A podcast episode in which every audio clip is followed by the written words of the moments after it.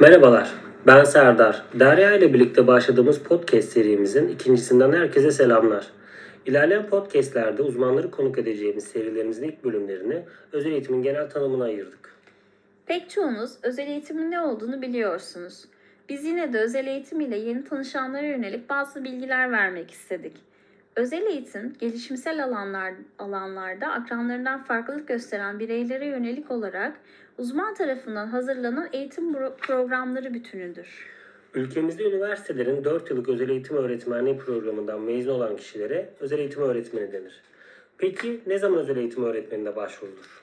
Ailelerin ya da çocuğu takip eden çocuk doktorunun çocuğun gelişiminde akranlarına göre farklılık ya da gerilik gözlemlemesi sonucu yönlendirdikleri çocuk ve ergen psikiyatristi tarafından ya da kendi talepleri doğrultusunda özel eğitim öğretmenine başvurabilirler.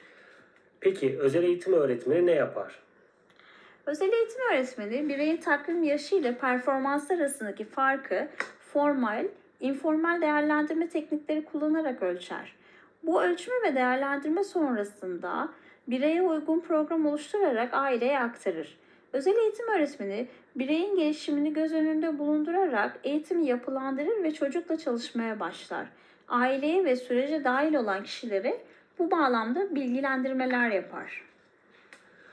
Bu podcast'imizin sonuna geldik. Bir sonraki podcast'imizde özel eğitim üzerine bilgiler vermeye devam ediyor olacağız. Hoşçakalın. Hoşçakalın, görüşmek üzere.